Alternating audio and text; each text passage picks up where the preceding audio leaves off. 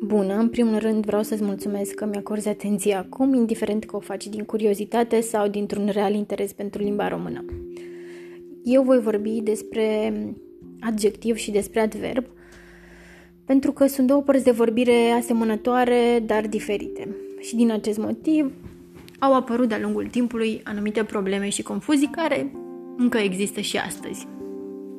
Pe de o parte avem adjectivul care este o parte de vorbire flexibilă, ce arată însușirea unui obiect sau a unei ființe.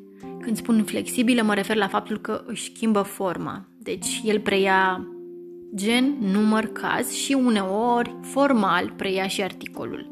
Pe de altă parte avem adverbul care determină un verb, un alt adverb sau un adjectiv. Deci până acum nu sunt probleme, ele sunt clar delimitate, fiecare are rolul lui. Și pot fi pe rând și una și alta, da, depinde de context. De exemplu, putem avea el cântă frumos la vioară și aici mă refer la modalitatea um, acțiunii de a cânta, deci cântă frumos, sau el este un băiat frumos și aici mă refer la aspectul fizic plăcut. Și este o însușire, deci este un adjectiv. Totuși apar niște probleme în momentul în care nu mai suntem siguri uh, de context, nu mai suntem siguri ce înseamnă sau cum înseamnă și facem un acord incorrect. Mm, de ce se întâmplă asta? Pentru că oamenii nu mai fac diferența între adjectiv și adverb. De exemplu, sintagma deținuți politici, uh, la fel cum spunea și Radu Paraschivescu, deci deținuții nu sunt politici, nu se referă la faptul că sunt politici, ei sunt politicieni, ci se referă la faptul că sunt deținuți politic. Adică aceste motive au avut un context politic.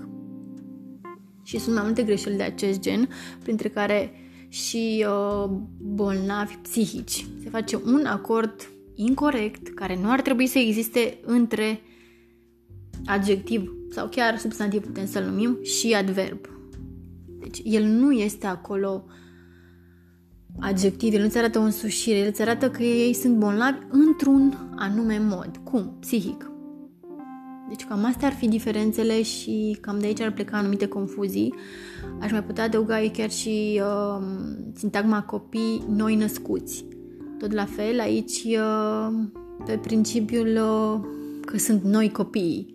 Nu, sunt nou născuți i-au fost născuți, practic. thank you